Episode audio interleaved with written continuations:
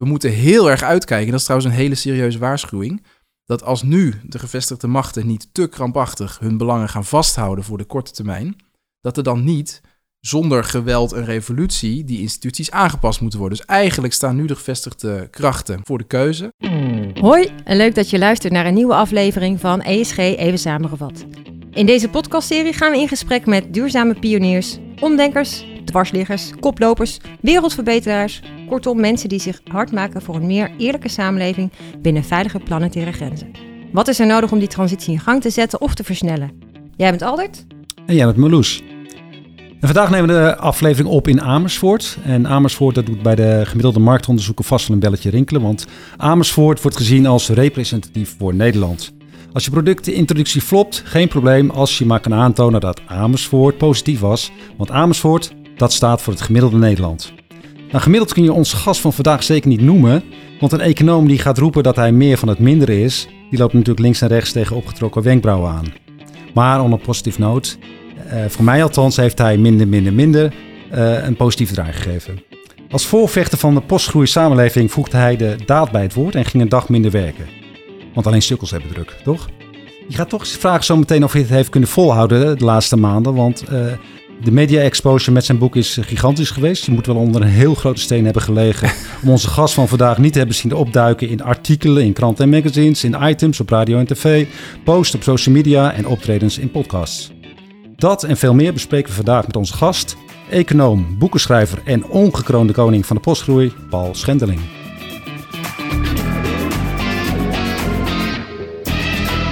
Welkom Paul. Dankjewel. Nou, Leuk. Fijn, dankjewel ook dat we hier uh, vandaag de, de, de studio in jouw woonkamer mogen doen. Gezellig. Heel met leuk. verse koffie en stroopwafels. Ja, leuk. nou, voordat we met jou in gesprek gaan over de blauwdruk voor de, voor de nieuwe economie of de economie van genoeg, hebben we altijd een paar korte ijsbrekers. Dus uh, ja, ben lekker benieuwd. snel uh, reageren. Paul, spreken of schrijven? Schrijven. Een kweekburger of vegan kaas? Kweekburger. Eens of oneens? De millennials en Gen Z gaan beter kunnen inspelen op de postgroeisamenleving dan de oudere generatie. Zeker weten. Ja? Ja. Technologie of gedrag? Wat gaat de grootste game changer zijn voor een eerlijke samenleving binnen veilige planetaire grenzen? Gedrag. Dan, ik denk een inkoppertje. Jason Hickel of Barbara Baarsma? Hikkel. ja, daar hoef ik ook niet over na te denken. Nee. En nu dan uh, voor de meeste gasten toch een vraag waar ze iets langer over na moeten denken. Maar voor jou ongetwijfeld niet. Stel voor je mag meeschrijven aan het klimaatakkoord van Nederland. Wat zou daar absoluut in moeten staan? Ja, daar hebben we echt anderhalf jaar over gedaan. Om daar echt een goed verhaal over te schrijven. Dat is ook echt wel de kern van ons boek. En dat is, uh, maar goed, daar komen we ongetwijfeld nog uitgebreider op. Een belastingverschuiving van arbeid naar consumptie. En dan specifiek naar de meest vervuilende vormen van consumptie. Dat zou echt enorm helpen om Nederland te verduurzamen. Je zijn meteen al we, hè? Uh, je, bedoelt daarmee, het, uh, je hebt het boek niet in je eentje geschreven, maar met een, met een collectief. Klopt. Nee, daarom ook de credits aan het collectief. Dus we hebben met 15 mensen uit 11 verschillende politieke partijen het boek geschreven. Ik heb zelf de pen mogen vasthouden, maar echt de ideeën komen van ons samen. Ja, en het boek, even voor de duidelijkheid, dat is dan Er is leven na de groei. Hij Ja. ligt hier ook op tafel. Uh, onlangs uitgekomen, wanneer? Een In oktober. In oktober, vorig jaar nog. En um, uh, ja, altijd gaf al aan, een dagje minder werken, dat was het streven. Lukt dat nog een beetje? In combinatie met, met de boekpromotie? Ja, dat ligt er dus een beetje aan hoe je werken definieert, zeg ik dan met een knipoog. Want uh, ik, ik, ik werk nog steeds drie dagen betaald. En ik, daarnaast uh, run ik een stichting met heel veel vrijwilligers. Waarin we proberen om een gelukkiger Nederland binnen de draagkracht van de aarde te bevorderen. Just enough is dat. Just Enough, maar ja. ook Postgroei Nederland, uh, de organisatie achter het boek. En uh, nou, inmiddels ben ik daar toch ook wel weer twee dagen aan kwijt. Maar dat is wel onbetaald werk. Dus laten we zeggen, drie dagen betaald, twee dagen vrijwilligerswerk is het uh, geworden. En die drie dagen, die werk je bij Berenschot? Ja. Al, als consultant neem ik aan? Ja, daar werk ik nu tien jaar. Dus ik doe vooral opdrachten in de publieke sector. Ik ben econoom van huis uit, dus het zijn vaak vragen met een economisch karakter. Oké. Okay. En die relateren ook deels aan de inhoud van, van het boek, of staat het wat meer los van elkaar? Ja, dat begint te komen. En dat is echt super interessant. Want als je mij dat drie jaar geleden had gevraagd, had ik dat echt, had ik nee gezegd. Had ik gezegd, nou, dat gaat echt nog vijftien jaar duren. En tot mijn verrassing hebben we nu inderdaad ook de eerste opdrachten die echt specifiek al gaan over bosgroei. Ook voor bijvoorbeeld ministeries die zich echt afvragen, kunnen we in het beleid hier al op anticiperen? Dus dat gaat veel harder dan gedacht. Dus mijn eigen werk bij Berenschot begint ook in die richting uh, te veranderen. Ja, mooi. Mooi. Nou, ik, ik denk dat we daar straks heel graag ook eh, verder over gaan eh, praten. Meer de handen en voeten die mensen, bedrijven, overheden geven aan, aan de postgroeitheorie. Maar misschien voor de luisteraar toch nog even goed om te beginnen bij het, eh, bij het begin. Maar misschien eerst, wanneer is voor jou of voor jullie dat idee ontstaan om, om dit boek te gaan schrijven over postgroei? Ja, dat was denk ik anderhalf, twee jaar geleden. Toen hadden we al heel sterk op ons laten indringen dat dus de wetenschap klip en klaar zegt, groene groei werkt niet. En daar was inmiddels echt wel consensus over ontstaan in wetenschappelijk opzicht. Maar wat echt ontbrak, en dat vond ik zelf echt storend, is dat er niet duidelijk beschreven werd hoe je dan het andere paradigma, namelijk postgroei, kunt invoeren. En dat stak vooral de berenschotter in mij. Dus als ik advies geef, bijvoorbeeld bij een ministerie of bij een decentrale overheid, ja, en ik kom aan met algemeenheden, dan zeggen ze tegen me: ga maar weer terug en schrijf iets beters, want dat kunnen we niet implementeren. En ik vond eerlijk gezegd de wetenschappelijke papers over de invoering van postgroei, vond ik allemaal bestaan uit algemeenheden. Dus toen hebben we ons ten doel gesteld. Het waarom is wel duidelijk. Oké, nou, dat moet dus. Maar hoe gaan we dat dan doen? En daar hebben we echt onze inspanningen op gericht. En toen hebben we gedurende een jaar allerlei werksessies georganiseerd met onze initiatiefgroep. En toen ben ik in de zomer van vorig jaar eh, gaan opschrijven wat daar is uitgekomen. Was het niet lastig om al die, eh, je zegt net inderdaad eh, elf eh, verschillende politieke partijen, dus dat, betekent van, van links tot, tot rechts. Is niet, was het niet moeilijk om, om die denkrichtingen bij elkaar te brengen? Ja, dat was best ingewikkeld. En ik heb soms ook wel gedacht, gaan we met elkaar ook echt de eindstreep halen? Want ik, heb, ik heb wel aan het begin ook tegen iedereen die deelnam gezegd... wat in ieder geval een voorwaarde is om deel te nemen... is dat je echt al mentaal afscheid hebt genomen van groene groei. Omdat dat gewoon echt niet werkt. Dus we gaan niet meer in deze groep ook nog discussiëren... moet het dan toch niet groene groei zijn of welvaart of iets dergelijks? Nee, gewoon postgroei. Maar dan kom je natuurlijk wel voor spannende keuzes te staan. Want als je het echt gaat implementeren... dan moet je soms ook wel wat vergaandere keuzes eh, maken met elkaar. Ik denk dat wat ons uiteindelijk bindt, eh, is enerzijds gewoon eh, evidence-based werken. Dat was echt wat ons als groep verbond. Gewoon, ja, als de evidence is dat dit niet werkt, dan moeten we echt iets anders gaan doen. En het andere ook wel, denk ik, de generatie. Dus vandaar dat ik jullie icebreaker over eh, millennials heel makkelijk vond. De, het grootste deel van onze initiatiefgroep bestaat uit millennials. En daar is toch echt wel een ander paradigma van... ja, we moeten echt wel, als we onze Ja. toekomst veilig willen stellen... het over een andere boeg gaan gooien. Ja. En dat maakt denk ik de bereidheid om ook gewoon nieuwe dingen eh, voor te stellen groter. Ja, daar wil ik straks heel graag nog even met jou over in gesprek. Maar misschien eerst, hè, we hebben in eerdere afleveringen van, eh, van de podcast... eh, onder andere ehm eh, eh, Less is More van Jason Hickel besproken... aan de hand van het boek en boekfragmenten. Evenals eh, het boek van Barbara Baarsma over groene groei. Kan jij eh, kort uiteenzetten voor de luisteraar postgroei? Hè, je noemde al het, het hoe en het waarom. Kan je dat eh, samenvatten? Ja, nou, het, het mooiste om het waarom mee samen te vatten, dat is eigenlijk de Jevons paradox. Eh, ook, ik doe heel veel lezingen over dit thema en ik zeg dan altijd van, nou ja, er zijn heel veel technische dingen, die kun je allemaal vergeten, maar onthoud alsjeblieft één ding, één woordje, de Jevons paradox. En als je het eenmaal door hebt, dan zie je hem overal om je heen. Ja. En de Jevons paradox betekent eigenlijk dat alle milieuwinst die we boeken met technologische vooruitgang aan de productiekant van de economie, grotendeels ongedaan gemaakt wordt door consumptiegroei. Om een heel concreet voorbeeld te noemen, de brandstofmotor in de afgelopen 70 jaar eh, twee keer zo efficiënt geworden. Maar de milieuwinst daarvan is eh, volledig ongedaan gemaakt doordat we meer auto zijn gaan consumeren. Niet zozeer meer auto's, meervoud voor de deur, maar gewoon meer kilo's auto. En dat heeft eigenlijk de milieuwinst voor 100% ongedaan gemaakt. En dat laat dus zien dat het huidige beleid groene groei ja, toch een beetje een contradictie in zichzelf is. Dus het, het vergroenen, dat lukt wel, want technologische vooruitgang is echt top. Daar ben ik ook heel groot voorstander van. Alleen de groei maakt die vooruitgang ongedaan. Dus daar zit de, de angel in, eh, in dat probleem. En postgroei is dus eigenlijk eh, bedoeld om die angel uit het probleem te halen. Dus door de con- consumptiegroei te beperken, kun je veel effectiever vergroenen en veel sneller vergroenen. Nou, sneller, dat is met name nodig voor de klimaatcrisis omdat dat gewoon echt vergt dat we veel sneller naar netto nul gaan dan eh, de huidige plannen. Eh, en het effectiever is vooral nodig om met name ook de, ja, de komende crisis, ik denk een materiaalcrisis, te voorkomen. Dat we nu eigenlijk een pad najagen met elkaar waarin we de CO2-uitstoot verminderen in ruil voor veel meer materiaalgebruik. En ook dat is op termijn onhoudbaar, omdat gewoon richting 2050 ook eh, de winning van materialen zal gaan pieken. En we moeten voor 2050 ook echt de materiaalvraag drastisch gaan terugdringen. Dat verklaart een beetje jou- jouw sceptisch eh, tegenover elektrische auto's. Eh, ja, want in principe vanuit het oogpunt van de klimaatcrisis ben ik daar een voorstander van. En volgens Ja, mij ook best wel logisch om te doen. Alleen uh, het streven in het boek is telkens geweest om heel holistisch te kijken. En dit is trouwens ook precies bij de holistische blik dat groene groei faalt. Want je zou nog best, ik wil best toegeven, ruiterlijk toegeven, dat als je uh, groei zou nastreven in combinatie met het verminderen van de CO2-uitstoot, dan kom je best een eindje op weg. Waren het niet, zeg ik er dan altijd achteraan, dat het wel 40% langzamer is. Dus het is nog steeds echt heel slecht als je de doelen van prijs wil halen. Maar goed, dat terzijde. Maar waar het echt spaak loopt, is dat het uh, andere milieucrisis verergert. Dus het leidt tot meer watergebruik meer materiaalgebruik, meer uitstoot van toxische stoffen. En eigenlijk alle dingen die ik nu noem, hangen samen met productie. Dus niet met het ver, uh, verbruik van een auto, maar bijvoorbeeld de productie van die auto. En hetzelfde geldt voor spullen en voor huizen. Het is niet zozeer het verbruik wat nou echt problematisch is. Daar gaat trouwens wel alle beleidsaandacht naartoe, dus dat vind ik altijd wel heel gek. Dus in Nederland praten we nu dag in dag uit over het gasverbruik, elektriciteitsverbruik van onze Ja, woningen. ja.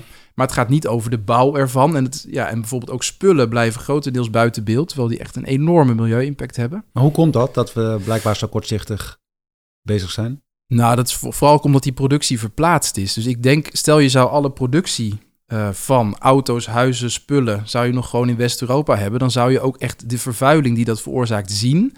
Dan zou je ook veel sneller weten, oh, daar zit een enorme milieu-impact Hm. die, waar we wat aan moeten doen. We voelen de pijn gewoon niet van nee, het is eh, gewoon allemaal verplaatst naar, eh, naar, naar andere landen, waardoor we die vervuiling niet zien. Ik vind het altijd wel mooi om, om te zien dat we hebben eigenlijk twee sectoren in Nederland gehouden. Dus eh, Schiphol als mainpoort en de intensieve veehouderij. Nou, daarvan zien we nu echt met Ja. eigen ogen van wow, dit, ja. is, dit kan echt niet meer. We lopen echt tegen de grens op. Ja, en de rest hebben we verplaatst. En daar lopen we net zo hard tegen de grens op, alleen we zien het niet. Nog heel even, ehm, we hadden het over degrowth eh, net, eh, ehm, eh, Hikkel.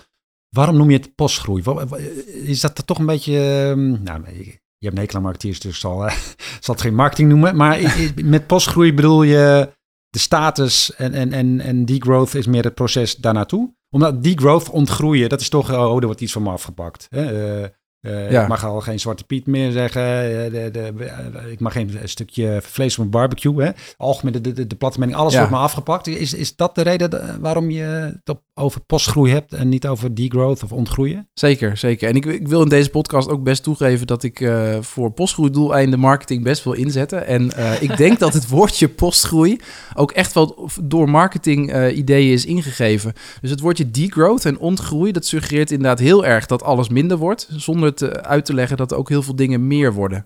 En het woordje postgroei is wat neutraler. Dat betekent gewoon vrij letterlijk het tijdperk na de groei. Ja, precies. Dus echt het, Ja, dat is als het ware alsof zich ook nieuwe mogelijkheden openen. En juist ons boek staat vol met voorbeelden van nieuwe mogelijkheden die zich in het postgroeitijdperk eh voordoen. Dat Ja. vond ik eh, heel opbeurend, want wij hebben eh, Hickel gelezen en ook besproken. En eh, sowieso zitten er heel veel ideeën in, in zijn eh degrowth-theorie. Dat Ik denk, ja, logisch, eh, dit kan ook niet. Het is niet meer houdbaar, het moet anders. Ehm, maar we waren allebei wel zo, ja, hoe ga je nou dat mantra van minder, minder, minder, hoe ga je daar nou draagvlak voor creëren? En hoe ga je dat nou doen?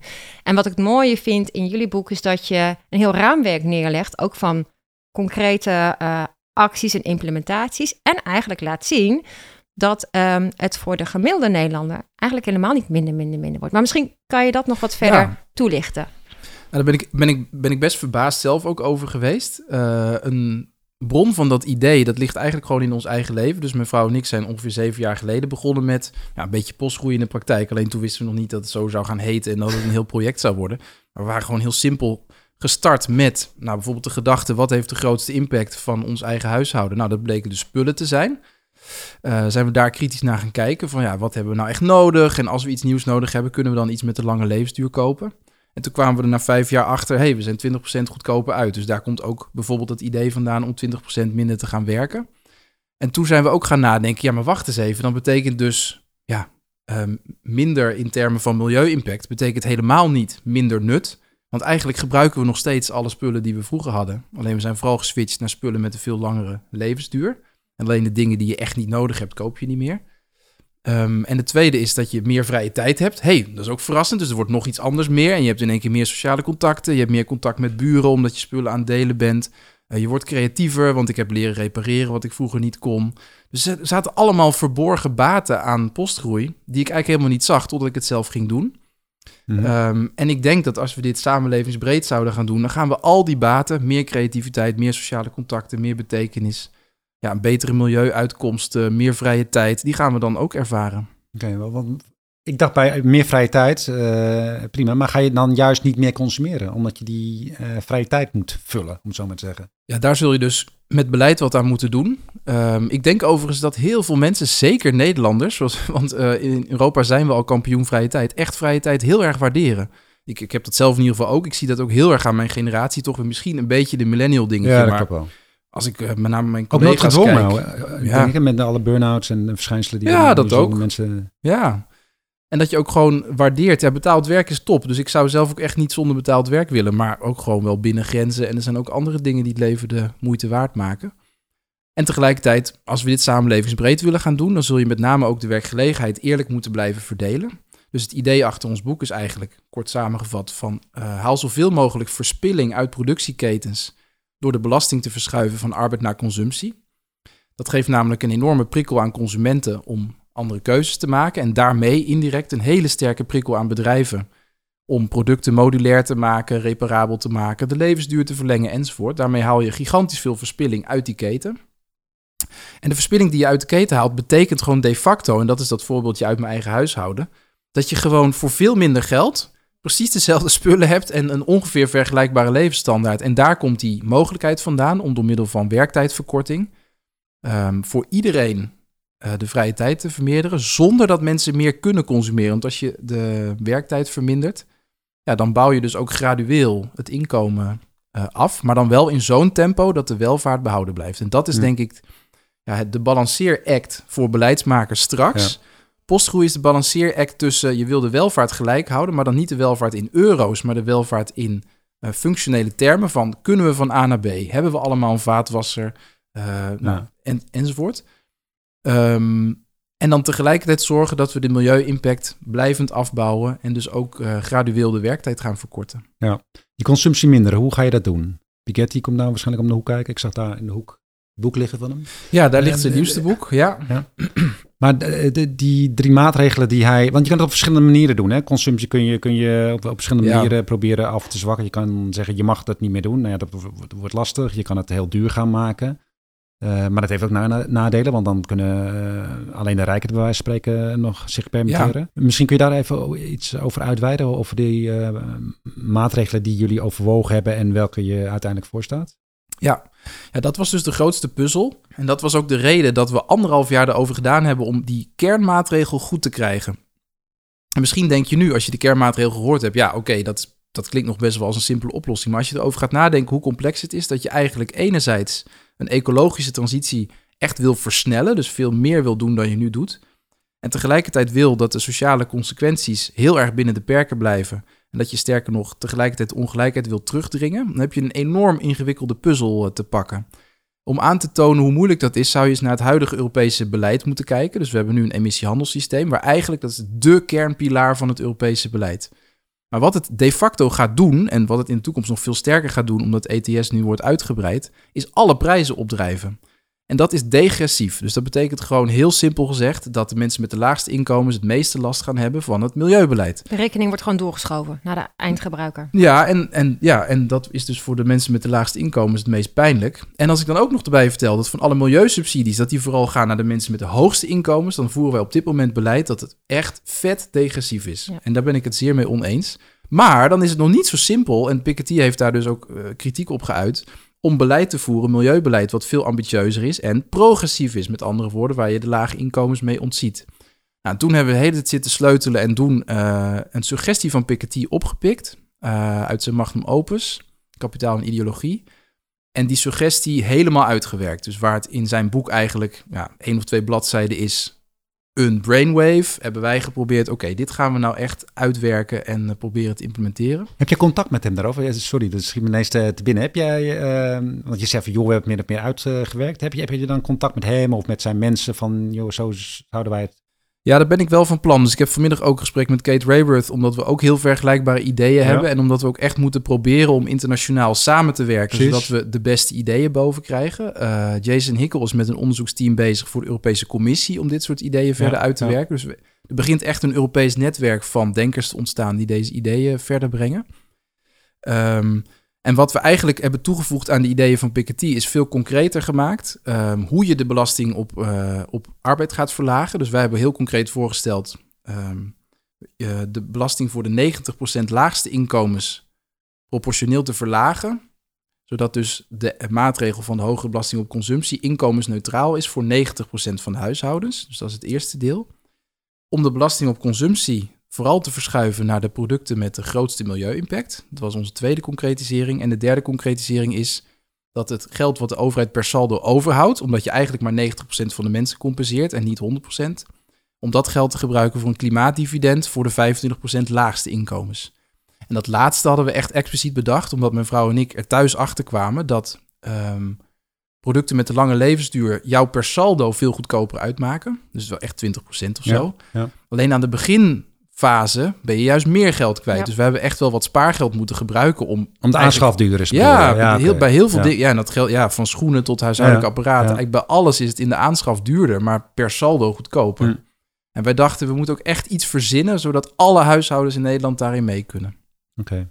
Piketty maakt eh, een verschil tussen ehm, op productniveau dingen ehm, eh, belasten Ja. en op individueel niveau. Hè? Ja. En, en uiteindelijk wilden jullie als collectief toe naar dat individuele niveau. Dus dat de, de, de 1% rijker Ja. of, of, of hoeveel procent ook is, maar dat die daadwerkelijk het meest eh, daaraan gaan bijdragen. Zeker. Nou, dat is voor de lange termijn het beste. Het is trouwens niet op korte termijn in te voeren. Dus we hebben voor de korte termijn gewoon een hele simpele Waarom is het in- op korte termijn niet in te voeren? Nou, omdat je dus wel veel meer, ehm, een veel preciezer systeem moet maken dan bij het makkelijke systeem. Dus laat ik zeggen, het makkelijke Ja, systeem, en dat is de variant die we voorstellen voor de korte en middellange termijn, dat is gewoon de BTW differentiëren. Dat is eigenlijk heel simpel, want de BTW is nu ook al gedifferentieerd. Dus op groentes is het 0%, op boeken Ja. 9 en op de rest 21.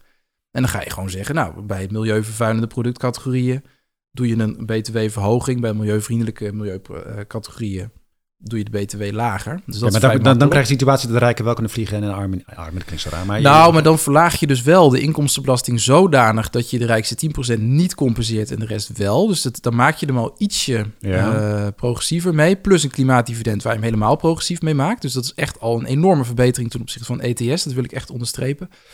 En daarna zou je idealiter ehm, nog steeds ja, meer willen voorkomen dat de rijksten hun verantwoordelijkheid afkopen. Want een btw-differentiatie, ja, ook al word je niet gecompenseerd als rijk huishouden, is nog steeds ja, af te kopen tussen aanhalingstekens, doordat je gewoon zoveel meer geld hebt, dat je dan nog steeds dingen kunt blijven doen die dan andere Nederlanders niet meer kunnen.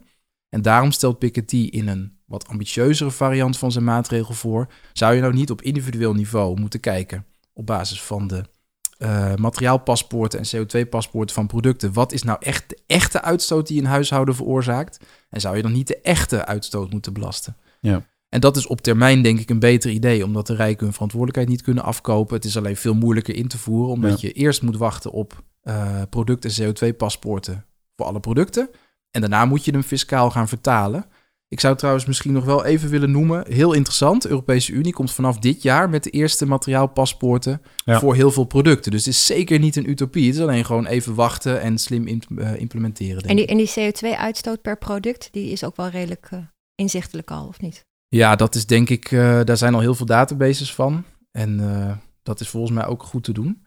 En materiaalpaspoorten, dat is echt iets wat je verplicht moet stellen, omdat er anders nog niet voldoende data voor aanwezig zijn. Maar dat wordt dus nu al voor bepaalde productcategorieën door de EU eh, gedaan. Ja, dus onderaan de streep zouden de middeninkomens en de lage inkomens met die eh, individuele progressieve consums- eh, belasting op consumptie in combinatie met die eh, verlagende, verlaagde belasting op arbeid, zouden die nou, onderaan de streep eigenlijk daar niet zoveel van voelen. Nee, bijna niks van merken. Nee, en want je stelt, of jullie stellen in het boek dat eh, juist ook die, die, die rijkste 10% of 1%, dat zijn ook de grootste Ja. vervuilers. Die consumeren het meest, de hoogste CO2-uitstoot, hoogste materiaalverbruik. Eh, die gaan het wel voelen.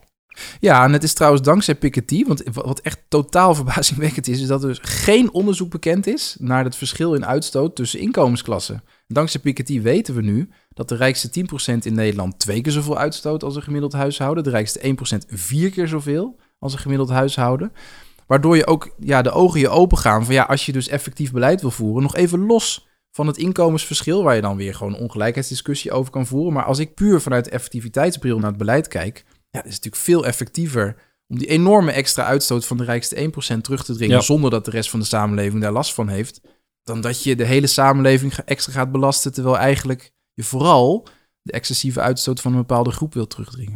En, en wat is het verhaal naar die, die, die hoogste of die rijkste 10%, 1% die het ook het hardst gaan voelen straks met deze maatregelen? Want je zou ook kunnen denken dat juist zij degene zijn die het meest aan de, aan de knoppen draaien. Qua lobby, Ja. en qua Eh, georganiseerdheid. lobby Ja, dat, dat, eh, dat politieke invloed Ja, en ongetwijfeld. macht. Ja, dat ook. Het is ook trouwens de groep die in hun eigen huishouden de meeste middelen heeft om hun volledige levensstijl ook klimaatneutraal te maken. Dus in dat opzicht denk ik ook van ja, je kunt kijken naar de, de lastenkant, maar je kunt ook kijken naar je eigen assets. Of ja, wat heb ik aan mogelijkheden? En volgens mij heb je dan ook zoveel assets dat je ook bij heel veel eh, vervuilende activiteiten eh, met geld of met andere middelen de activiteiten klimaatneutraal kunt maken. Ben jij een limitarist? We, nu, dit, dit Ja. China van alle kanten. Hè? Dus de, de beweging die zegt van... joh, je moet het afkappen op een bepaald niveau. Je mag niet rijker zijn dan... Ja, en of het nou 10 miljoen is of 20 miljoen of whatever... dat maakt niet even uit. Maar Ik heb daar veel over nagedacht de afgelopen maanden, omdat het. ehm, ik heb natuurlijk voor het boek heel veel nagedacht over de vraag ecologische transitie in relatie tot de sociale transitie. En daarvoor is ehm, het stellen van grenzen aan de uitstoot van de rijkste 1% gewoon puur pragmatisch, gewoon handig. Ehm, en toen kwam ik eigenlijk tot de genuanceerde opvatting dat ik vind dat op zich eh, qua inkomens- en vermogensongelijkheid, eh, daar kun je gewoon met een progressieve inkomsten- en vermogensbelasting wat aan doen. En dat je het nu voor de toekomst van de aarde het meest belangrijk is dat we mensen gaan aanspreken op wat ze met hun geld doen. Dus ik ben niet een limitarist in de zin van dat ik nu meteen wil gaan propageren. Nou, er moet een grens aan inkomen en vermogen zijn. Waar ik wel een grens aan zou willen stellen is hoeveel van de aarde en van de toekomst van onze kinderen, kleinkinderen en van mensen in landen rond de Evenaar is gerechtvaardigd om kapot te maken met jouw inkomen en vermogen. Dan gaat het veel meer om een ethische discussie van wat doe je met je geld, dan om een discussie, ja, moet er nou een arbitraire grens aan inkomen en vermogen zitten? Want ik denk eerlijk gezegd dat als je veel inkomen en vermogen hebt en je doet er hele goede dingen mee, nou, dat is echt Ja. een ander verhaal, vind ik zelf, dan dat je dat gebruikt om jetsets, met een privéjet en dat je echt excessieve schade veroorzaakt, waar gewoon onze kinderen en kleinkinderen heel veel last van gaan hebben. Dat vind ik echt een ander verhaal dan als je, nou, bij wijze van spreken, allemaal foundations opricht om ziektes de wereld uit te helpen en andere goede dingen te doen met je geld. Voor die groene Alpenweide, wa- wa- was jij daar blij om? Omdat nu, eh, de- dat is een beetje het verhaal, hè? Groen, nu Oh. gaan ook de rijken zien van, hé, hey, het gaat mij ook raken. Ah, Hoe bedoel ja. je de groene Alpenweide?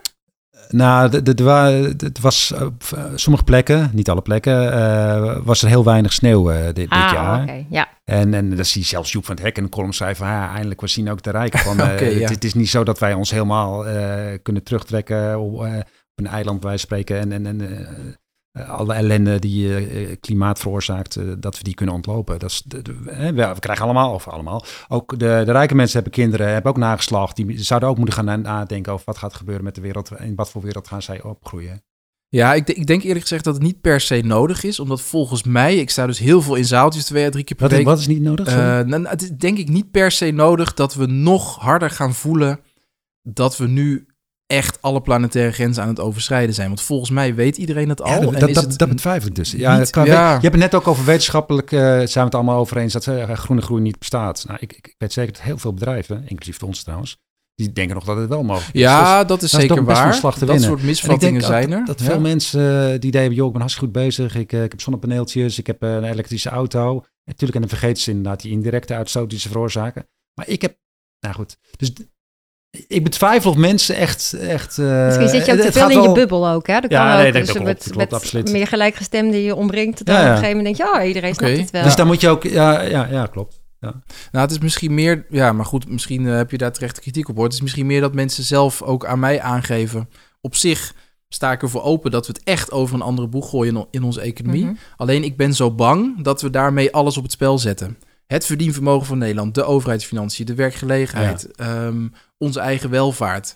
En het is volgens mij toch meer die angst voor het onbekende die mensen Ja, tegenhoudt. klopt. Dat herken ik dan ook wel. dat het nou is dat Ja. mensen niet doordrongen zijn van dit is echt een enorme ecologische catastrofe. Dus dan zijn ze eigenlijk meer bang voor verlies van wat er is, dan angst voor hetgeen wat komen gaat, wat misschien alsnog veel volgens harder mij wel. onderuit Dat is volgens mij ook heel menselijk. noem je toch dat ook je de- banger de- bent voor, voor, voor wat nu eh, jou kan treffen dan wat voor jou in de Eh, toekomst hou- eh, hebben wat je, eh, houden wat je ja, hebt, die reflex, reflex of zo. dat eigenlijk wel. ja, en, Frans Timmermans had een hele mooie metafoor. Die zei eigenlijk van ja, er zijn twee angsten die conflicteren in mensen. Dus je staat voor een wildkolkende rivier. Achter jou komt er een horde ja. eh, rovers die jou eh, de kop eh, afhakt. Maar goed, je moet wel die rivier oversteken, wil je ze ontkomen. Ja, en dan die, die, die conflicterende angst van als ik nog langer wacht, staat te dralen voor de rivier. Dan komen die rovers steeds dichterbij. Versus, ja, maar ik kan ook verdrinken in de rivier. Nou, die, die conflicterende angsten, die spelen zich op dat moment in de hoofden van mensen af, denk ik.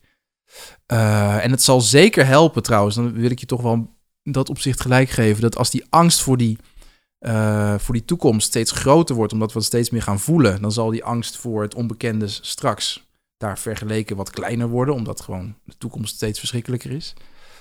Maar we zullen ook met een hoopvolle visie die angst voor de toekomst moeten verminderen. En ik merk dat wij in ons boek ons met name daarop richten. Al die misverstanden over groene groei uh, uit de wereld helpen. En ook al die misverstanden van mensen die nog steeds denken: postgroei is een ramp. Dat kost ons al onze welvaart. De overheidsfinanciën kunnen dat niet redden enzovoort. Die angst wegnemen. Want ik heb zelf een berekening ook onder dit boek liggen. Wat betekent voor de werkgelegenheid? Wat betekent voor de overheidsfinanciën? Ik ben natuurlijk ook econoom, dus ik heb het ook willen ja. rondrekenen.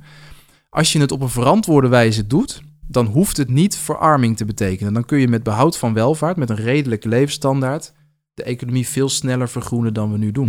En toch, maar toch is ja, nee, eens hoor. Ik bedoel, ik, zit aan jou, in jouw kamp. Maar um, ik herinner me, het was uitzending Nova, was het, of NOS een paar maanden geleden. ging ook, uh, ook over degrowth.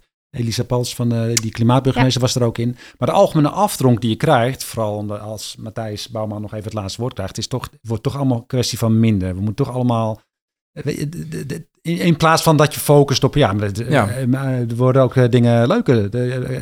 Het is niet alleen euro's inderdaad, maar het kan ook welzijn zijn. Nou, dat is misschien leuk, omdat dat sociale karakter, dus eigenlijk de sociale uh, uh, progressie die, die we gaan maken als samenleving, je daar nog wat over vertelt. Uh, omdat um, ja, de, die neveneffecten van juist meer, we zijn een beetje misschien elkaar verloren afgelopen jaren, zijn te individualistisch, te veel op, ja. op eigen consumptie. Kan je wat vertellen over een aantal ideeën die jullie hebben om die sociale cohesie te vergroten? Graag, ja, want we, we, maken in ons boek een onderscheid tussen twee soorten geluksbronnen. Want laten we het inderdaad gewoon positief hebben over geluk. Wat maakt ons gelukkig? Ja.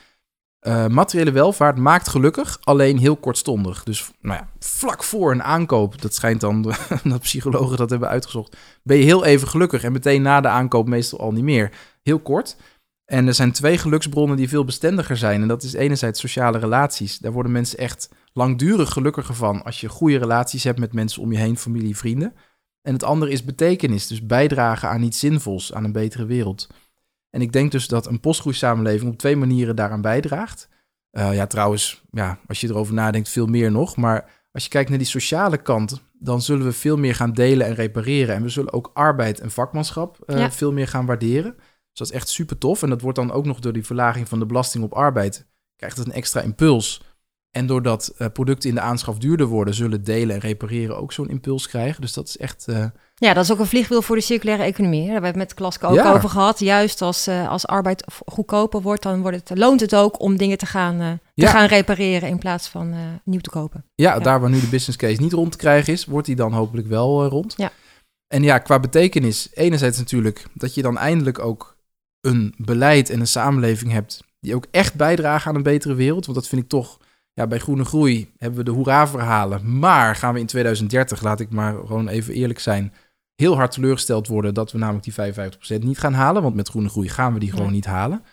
Um, en met postgroeibeleid gaan we het wel halen. Dus je ervaart meer betekenis uit wat je doet, omdat je veel effectiever bezig bent. Dat heb ik zelf ook ervaren. Dus toen we aan de slag gingen met spullen, waarvan we hadden ontdekt dat heeft de grootste impact. Dat motiveert ook om daarmee aan de slag te gaan. En natuurlijk vrije tijd, niet te vergeten. Ja. Dus op termijn, over 20 jaar, allemaal 20% meer vrije tijd. Betekent natuurlijk ook dat je ja, tijd hebt voor betekenisvolle projecten, vrijwilligerswerk, uh, dingen bijdragen. Ja. Nou wil ik toch even terugkomen op die, uh, die voor jou hele evidente millennial statement. Uh, want een paar weken geleden hadden we een millennial expert en die, die, die schetst dan meer de verschillen juist dat millennials of Gen Z's nou, telkens meer en meer en meer individualistisch worden. En eigenlijk wat ik in jullie boek lees is juist de, het sociale draagvlak en samen, dat het heel belangrijk is. In hoeverre zie je dat als, als clashing? Of zeg je van, nou, misschien zijn, we, zijn zij ook te veel soort individualistische koker in, ingeduwd en is er eigenlijk intrinsiek een veel grotere behoefte om meer samen te doen? Ja, ik, ik snap hem inderdaad wel. Dus ik, ik herken de observatie ook. Uh, wat ik ook wel zie, en is dat bijvoorbeeld millennials uh, zich niet uh, organiseren. En dat vind ik echt heel verbazingwekkend. Want het is veel effectiever als je je ideaal wil nastreven. Ja. Als je je gewoon verenigt in een collectief en dan actie gaat voeren. En dat zie je weinig gebeuren. Ik zie dat ook, ja, eerlijk gezegd, bij inderdaad de generatie eh, na mij, ik ben zelf millennial, ook minder gebeuren. Terwijl dat heel effectief is. Het heeft misschien inderdaad toch met de cultuur te maken waarin we zijn opgegroeid, waarin dat niet vanzelfsprekend is en ook niet echt is aangemoedigd. Is dat niet een beetje aan het Eh, veranderen? Ik zie ook uh, bij spreken hele net, nette mensen bij spreken. Uh, nu naar uh, Extinction Rebellion uh, vragen, kunnen wij toch niet iets doen? Dat wil niet betekenen dat ze meteen... Ja. Ik, ik, zie wel een verschuiving, maar misschien komt het ook weer door die bubbel. Op zich wel hoor, maar dat is dan ja. inderdaad wel een kleine groep. Uh, dus ik, dan, dan, snap ik wel dat experts zeggen, ja, die voorbeelden zie je, maar het is inderdaad het, het algemene gegeven is dat je het weinig ziet gebeuren. Maar het verlangen ligt daar wel. En, uh, en dat, ja. is, dat zegt denk ik heel veel. Namelijk, uh, de bereidheid om te veranderen is heel groot. Dat is trouwens ook wel over de hele linie, dus dat is nog niet eens alleen bij millennials. Maar, um, en ook de, het inzicht en het besef dat je daarvoor een andere economie nodig hebt en wat minder focus op werk en materiële welvaart, ja, dat inzicht is er volgens mij ook. En dat zie je ook wel in gedrag terug. Alleen dan vooral nog individueel gedrag. Dus je ziet heel veel millennials gaan minder werken, besteden meer tijd aan hun gezin. Maar dan die stap richting collectieve actie, die, die, uh, nou, dat zou nog een mooie toevoeging zijn. Ja. Ja, we, we halen hem ook wel vaak aan in de gesprekken. Inderdaad, uh, of de millennial ook meer bereid is om, om te delen. Hè, dus geen spullen te hebben, maar veel meer uh, in de deeleconomie te participeren. Mm-hmm. Of op het moment dat ze de arbeidsmarkt instappen, worden ze dan met name gedreven door een duurzaam doel. Door inderdaad impact uh, willen maken. Um, of is het toch salaris? Of um, nou ja, goed. Daar, dat wisselt ook nog wel een beetje. Sommigen zeggen ook, ja nee, het is nog steeds en, en, en. Wat misschien ook te begrijpen is, omdat de startspositie voor millennials op dit moment ook niet heel gunstig is. Ja. Daar hebben jullie ook weer uh, ideeën over. Uh, ten aanzien van wonen, uh, werkgelegenheid. Ja. ja, want dat is toch een beetje altijd het argument van groene groeiers. Van joh, als we dat niet doen, we hebben groei nodig om uh, de zorg in stand te houden. Om woningen te kunnen bouwen. Ja, inderdaad. En in ons boek uh, besteden we daar echt ruim aandacht aan. Want ik vind dat eerlijk gezegd ook gewoon terecht uh, tegenwerpingen. Ja. Ik vind zelf het verdienvermogen van Nederland heel belangrijk. Dus het is soms, en dat laat ik dan ook gewoon even soms uh, wat eerlijke kritiek op ontgroeiers en degrowthers uh, uiten. Ik denk dat zij te makkelijk bijvoorbeeld ook het woord krimp in de mond nemen. Want als je dat gaat rondrekenen, ik krijg hem gewoon niet rondgerekend. Ik wil echt nog wel eens een keer uh, hard, een harde berekening zien. Dat het echt mogelijk is om de economie te laten krimpen. In combinatie met gezonde overheidsfinanciën, een stabiele werkgelegenheid, nou, een betaalbare zorg en noem al die dingen maar op. Als ik zelf de berekeningen doe, dan kom ik op uit dat reële nulgroei haalbaar is. Dat is dus ook wat wij voorstellen in ons boek. Uh, dat is een verschil ten opzichte van een eindeloze stijging van de ja. consumptiegroei. Want nu stijgt het uh, de afgelopen 20 jaar met 2% per jaar. CPB schat de komende 40 jaar met 1% per jaar. Mm-hmm. Uh, in ons boek stellen we voor dus de reële groei te verminderen van 1% naar 0. Maar dan in reële termen, dus gecorrigeerd voor uh, inflatie. En dat is rondrekenen, dat durf ik hier echt wel te zeggen. Daar kun je ook echt, uh, qua overheid, financiën, werkgelegenheid, betaalbaarheid van de zorg, kun je daar met goede oplossingen komen om dat op te Ja. lossen. Je doet ook een beroep, dus als ja, beleggen vond ik wel interessant, eh, de pensioenfondsen. Bekend Nederlandse Mhm. pensioenfondsen, een enorme eh, pot met geld. En je doet ook een beetje min of meer een beroep bijna, zou ik willen zeggen, op hen om, ehm, eh, om ook aan sociaal aanvaardbare, hè, dus niet, niet alleen gaan voor het maximale rendement, maar Ja. ehm, ook andere dingen, eh, naar andere zaken te kijken. Kun je daar iets over zeggen? Ja, dat was ook echt wel kritiek van anderen dat ik daarop geattendeerd ben. Want ehm, ik kreeg bijvoorbeeld heel vaak als tegenwerping... ja, wat jij voorstelt, is dat wel te verenigen met kapitalisme? En dan bedoel ik gewoon even niet zeg maar het containerbegrip... maar heel specifiek aandeelhouderskapitalisme. Ja. Eh, kan dat wel, postgroei en aandeelhouderskapitalisme? Nou, toen eh, kwam er iemand anders en die deed mij de suggestie van... ja, je zou eens ook eens in, de geschiedenis moeten kijken... bijvoorbeeld naar de 19e eeuw. Toen was er weinig groei en wel aandeelhouderskapitalisme. Hoe is dat toen samengegaan? En toen eh, gaf hij mij de suggestie van... Er zijn eigenlijk twee dingen waardoor het toen goed werkte. Het was enerzijds de blik op de lange termijn...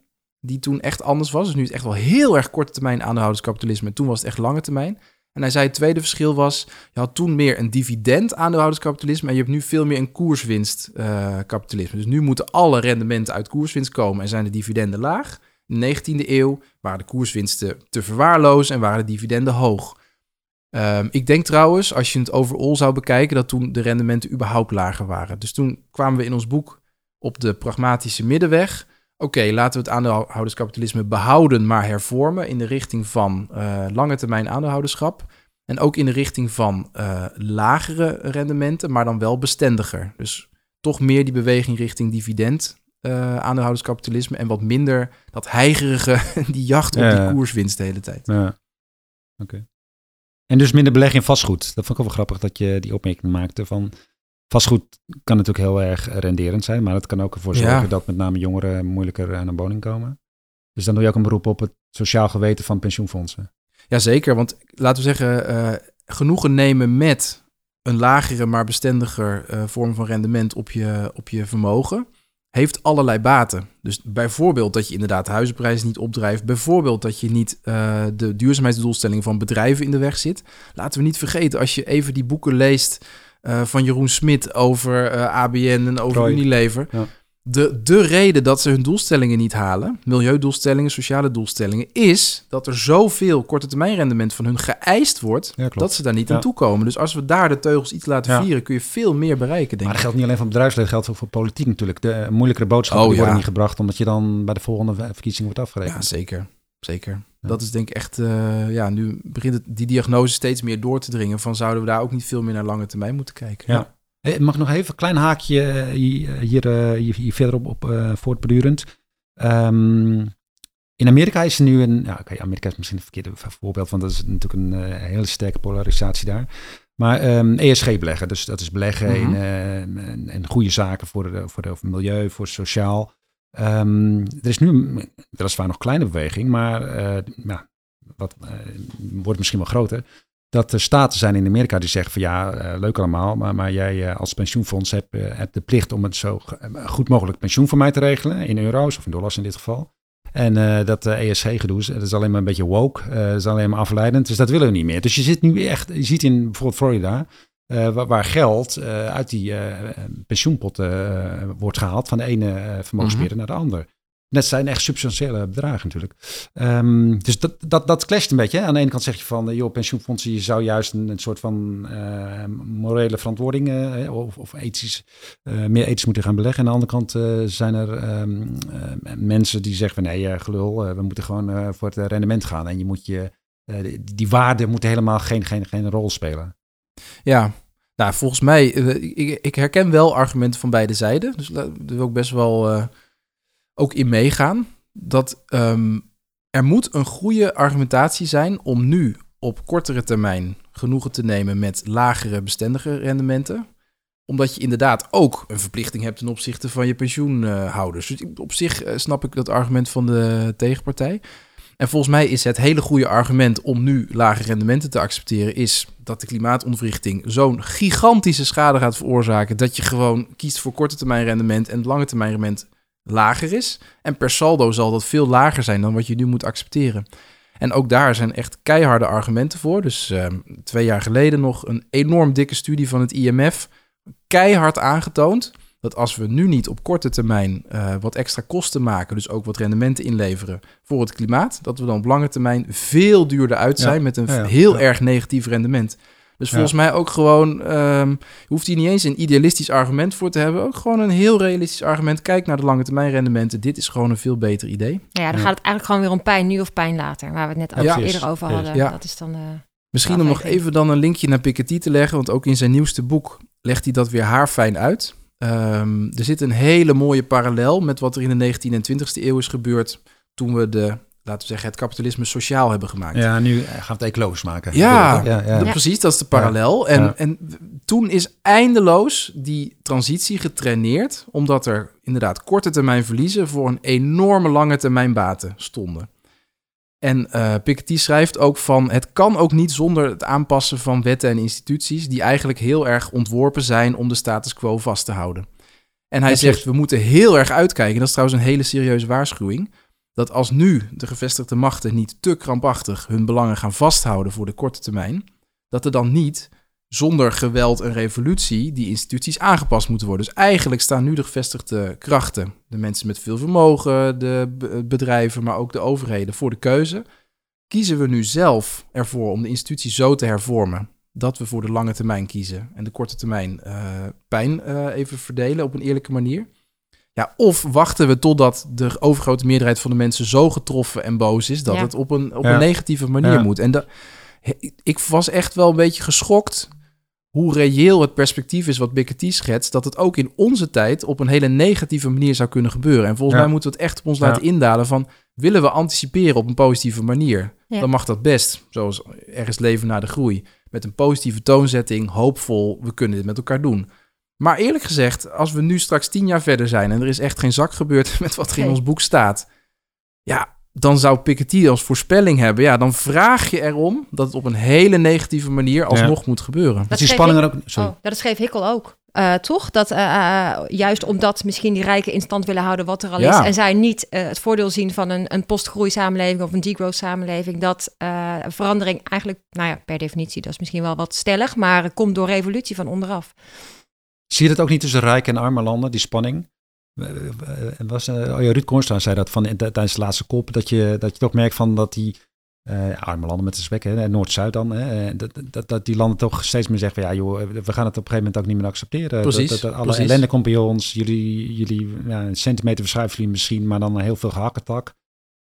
Daar zie je precies hetzelfde gebeuren. En eh, dat is wel zorgwekkend toch? ja, dat, dat is heel erg We zorgwekkend. begonnen zo hoopvol in het boek. Nou ja. dat, wel grappig. Jouw boek, ik, van Hikkel, Hmm. sorry ik je trouwens. Maar met Hikkel werd ik op een gegeven moment echt bijna down van. Echt, eh, het was zo negatief. eh, en, ehm, maar, maar bij jou was het, is, het nog steeds zo volgens mij. Ja, ja, ja. Zonder meer hoopvol. ja. Maar wat echt heel bijzonder is aan deze tijd, en dat ervaar ik ook best wel indringend, is dat het wel echt twee wegen zijn geworden. Dus waar je eerst als het ware een soort waaier van wegen voor je zag. En nou, er zijn verschillende manieren waarop het kan enzovoort. Ik denk dat het nu echt letterlijk is geld of je leven. Ik bedoel, we moeten nu kiezen. Geld voor leven Kiezen we, Ja. blijven we vasthouden aan eh, korte termijn geldbelangen?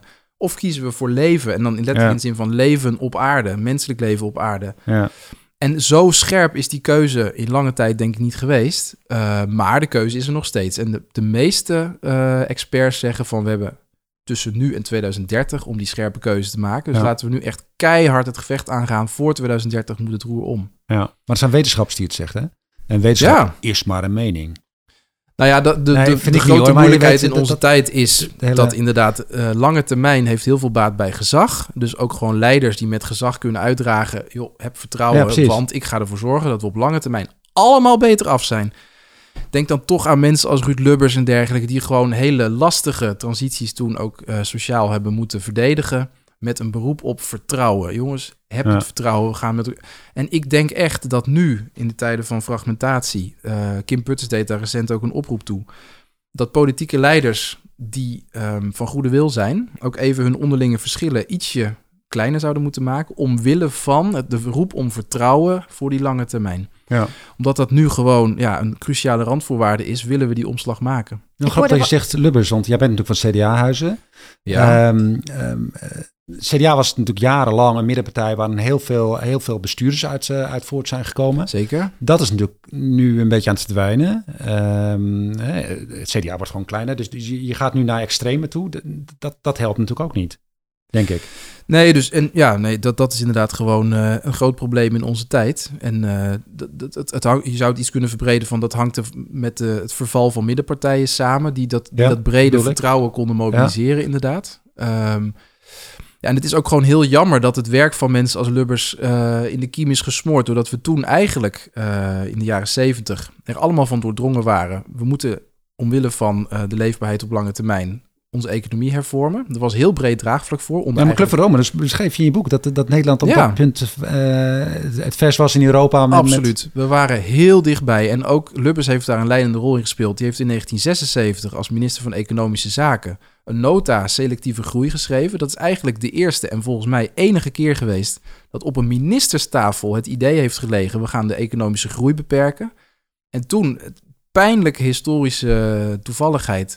Hij wordt premier en hij erft zo'n diepe economische crisis dat hij min of meer niet anders kan dan voor aanbodgestuurd economisch beleid kiezen. Wat contrair is aan grenzen aan de groei stellen. En hij heeft daar achteraf, ik heb hem ook nog wel eens gesproken eh, voor zijn overlijden, heel veel spijt van gehad. En ook echt geprobeerd in de jaren negentig met een hele scherpe nadruk op duurzaamheid. Eh, hij heeft ook aan de basis gestaan van überhaupt het begrip duurzaamheid met het Broendland-rapport. Hm. Om dat weer recht te zetten. En dat is hem niet gelukt. En dat is ontzettend jammer geweest, want we hadden toen een historische kans om het zeg maar proactief te doen. En nu ja, moeten we zeg maar voor 2030 in no time het roer omgooien. Ja, ontzettend jammer dat het toen niet is gelukt. Ja. Maar goed, ik ben nog optimistisch tot 2030. Dan moet ik even mijn mening herzien of je dan nog steeds optimistisch Oké, mag ik zijn. weet niet of wij dan met z'n tweeën dan eh, terugkomen voor de podcast, maar eh, Hebben we nog eventjes. Eh, misschien één dingetje waar ik ook vanuit de dilemma's nog even op in wilde haken. Je had het eh, over het dilemma gedrag-technologie. Eh, jullie zijn zeker voorstander van technologie. Zeker. Hè? Dat lees ik ook terug in je boek. En, maar misschien de grootste verandering komt door gedrag. Ehm, het blijven investeren in, in technologie en technologische vooruitgang. Hoe werkt dat in een, eh, in een, in een postgroei? Een samenleving waarbij, nou ja, groei zeg je eigenlijk op nul is gestabiliseerd. Is, is er dan nog steeds investeringsruimte om ook ehm, technologische ontwikkeling te boosten? Ja, dat sowieso. En ik denk ook dat eh, de specifieke beleidsvoorstellen die wij doen compatibel zijn met een verdienvermogen van Nederland dat sterk is op middellange en lange termijn. Daar hebben we ook in ons boek eh, meerdere hoofdstukken aan gewijd, omdat we dat ook heel belangrijk vinden. Dat heb ik net ook aangegeven. En het is wel zo dat doordat de spelregels in de economie veranderen, dat de technologische innovaties zich wel op andere doelen zullen gaan richten. Dus laat ik het zo zeggen, er zijn nu best wel veel innovaties Mhm. die vooral eh, omzetmaximalisatie als doel hebben. Dus bijvoorbeeld, nou, je brengt telkens een nieuwe versie van een smartphone uit met echt marginale technologische verbeteringen. Maar daarmee jaag je vooral de energie- en materiaalverbruik Ja. heel erg op en de omzet jaag je ermee op. Maar ja, dat, nou, echt te zeggen dat dat maatschappelijk nuttig is en voor het milieu nuttig is, dat dan weer niet. In de toekomst zul je innovaties veel meer gaan richten op technische optimalisatie. Hoe kun je met eh, zo min mogelijk energie en materialen zoveel mogelijk kwaliteit van leven, toegevoegde waarde bieden en klanten binden? Eh, zodat je, ik vermoed dat bedrijven in de toekomst een veel nauwere relatie met eh, klanten zullen hebben. Omdat je eigenlijk wil dat die klant bij je terugkomt voor allerlei services. Ja. Dus modulaire producten waarbij je een onderdeeltje vervangt, een reparatie doet, eh, onderhoud en beheer. Misschien zo nu en dan een update eh, via de digitale weg. En dan wil je dus dat je een heel goed product biedt, wat in technisch helemaal optimaal is, waar je heel lang mee kunt doen, waarbij je dus heel weinig energie en materiaal gebruikt. En dat je echt die klantrelatie centraal stelt en niet ja, die omzetmaximalisatie waarbij je op korte termijn een hoge winst hebt en op lange termijn eh, niet. En dan kan de marketingfunctie inderdaad komen te vervallen. Want dan hoef je dus niet meer en meer en meer producten te verkopen. Dan gaat het met name om die initiële aankoop. En dan Ja. is het eigenlijk customer experience die je uitbouwt. Dat je mensen lang Ja, eigenlijk wel. bij jouw eh, organisatie, Ja. bij je product betrokken houdt. Ja. Ja, en in ons boek maken we ook een onderscheid tussen twee functies van marketing. En ik soms Informatief even kan om het eh, te prikkelen Ja. roep ik dan van laten we kappen met marketing. Maar we bedoelen eigenlijk vooral laten we stoppen met manipulatieve marketing. Ja. Die vooral gericht is op ja, dingen kopen waar je uiteindelijk niet blij van wordt. En ons richten op informatieve marketing, inderdaad, die customer experience van hoe, hoe maken we zo'n goede klanttevredenheid dat de klant gewoon niet meer bij ons weg wil en een lange termijn relatie met ons wil aangaan. Ja. ja. En dat zal trouwens meer arbeid kosten, maar daar grijpt het dus ook weer heel erg in elkaar. Dus de materialen en energie zullen duurder worden. Prima, dan ga je daar dus technisch op optimaliseren. En het kost veel meer arbeid om die klant te binden en dat wordt goedkoper. Dus ik, ik verwacht dat die ontwikkeling richting postgroei dat ook wel in de kaart zal spelen. En wanneer ga jij de politiek in? Ja, daar ben ik al. Dat is wel leuk. Ik ben nu eh, politiek actief bij elf politieke partijen. Ja, die zeg, ik zeg het even met een knipoog. Ja, ja, ja. Ik ben, eh, ben nog steeds CDA-lid, maar wat ik dus nu merk... en ik ben dus gewoon eh, bij elf partijen aan de deuren aan het kloppen. Ik, heel tof trouwens. Ik word echt bij woordvoerders al uit de Kamer van acht partijen uitgenodigd. zijn daar in gesprek. We zijn met wetenschappelijke instituten aan de slag... om ons boek te vertalen naar beleidsvoorstellen binnen die wetenschappelijke instituten. We hopen straks in de verkiezingsprogramma's dit allemaal te gaan vertalen. En we, vanuit Postgroei Nederland eh, werken we dus eh, met die politieke partijen samen om dit gedachtegoed te vertalen. En dat doen we dus eh, ja, wetenschappelijk gebaseerd, waardengedreven, maar niet gebonden aan één politieke stroming. Hm. Dus dat doen we eigenlijk voor alle partijen die daar interesse in hebben. Ja, gaaf. Want het laatste hoofdstuk, daar doe je ook al een appel aan de lezer. Ben je consument of Ja. ben je ambtenaar of ben je ondernemer? En wil je eh, handen en voeten geven? Hè? Ben je enthousiast geworden over deze theorie ehm, of het concept en wil je aan de slag? Daar, daar heb je al Ja. eh, eh, ja, Dat is dat Just Enough just initiatief, enough. toch? Ja, postgroei. Er zijn al meteen plekken waar mensen bij jullie kunnen aankloppen om te zeggen, hey, eh, wat, hoe verder? Hoe ga ik dit implementeren? Dat is echt onze oproep. Eh, ga aan de haal met dit boek. Dus ga het gewoon in je eigen omgeving en context vertalen, praktisch maken, uitbouwen, uitdragen. Wij proberen daar zoveel mogelijk bij te ondersteunen, omdat we ook een grote groep vrijwilligers hebben, eh, zowel bij Postgroei Nederland als bij Just Enough. Dat is meer die consumententak en Postgroei Nederland richt zich meer op beleid. ehm, om jou te helpen om in je eigen omgeving het verschil te maken met dit verhaal. En ga aan de haal daarmee bedoel ik dus ook, wij hebben er nu een aanzet gedaan. Heel veel mensen zijn enthousiast, want het boek vliegt de winkel uit en iedereen wil het graag eh, er wat mee doen. Maar natuurlijk moeten we dat wel in elke context aanpassen en, uh, en matchen met de, met de praktijk waar je in werkt. Dus bedrijven zullen het moeten gaan vertalen, politieke partijen, ministeries, decentrale overheden. Ze gaan allemaal straks hopelijk hiermee aan de slag. Ja. En het, het leuke is dat dat dus eigenlijk al op heel veel plekken gebeurt. En dat een van de kerndoelstellingen van ons boek was... hoe trekken we het idee postgroei uit de marge? Hoe maken we het serieus? Want eerlijk gezegd, tot voor kort nam niemand het serieus. Dat is gelukt, want we worden nu al heel breed gevraagd... door al die partijen die ik net noemde... om langs te komen lezingen te geven, adviezen te geven. Dus het begint echt te komen. Ja, dus het is echt leven naar de groei. Nou, als, ik nu, als, we de, als we de lijn nu doortrekken, het boek is nog geen drie maanden uit. We zijn vier drukken verder en het, het ontploft qua aandacht ervoor. En iedereen wil ermee aan de slag. Dan ben ik best heel positief. Ja. Geweldig. Nou, lezen zou ik zeggen, als je het nog niet al Ja. had gedaan. Eh, Zijn er nog dingen, Paul, die jij eh, graag wil adresseren? Of een oproep aan de lezer? Of, Dingen die we eh, gemist hebben. ja. ja, ik vind het nog wel mooi om even te noemen dat we ook bezig zijn met het maken van een netwerk van al die mensen die hier graag mee aan de slag willen. Ehm, en dat was gewoon spontaan geboren, dat idee, omdat er gewoon heel veel mensen zich spontaan melden en ook heel veel mensen spontaan al als ambassadeur van dit gedachtegoed gaan optreden. En toen dachten wij, kunnen we nou in professionele kring van allemaal professionals die in hun eigen beroepspraktijk hiermee bezig zijn, die mensen met elkaar in verbinding brengen? En stel nou dat, die mensen met elkaar uitwisselen, hey, hoe pak je dat aan? Wat voor ideeën Ja, heb je daarvoor ja. nodig? Hoe doe je aan effectieve beïnvloeding? En we zijn dus nu bezig met het bouwen van zo'n netwerk.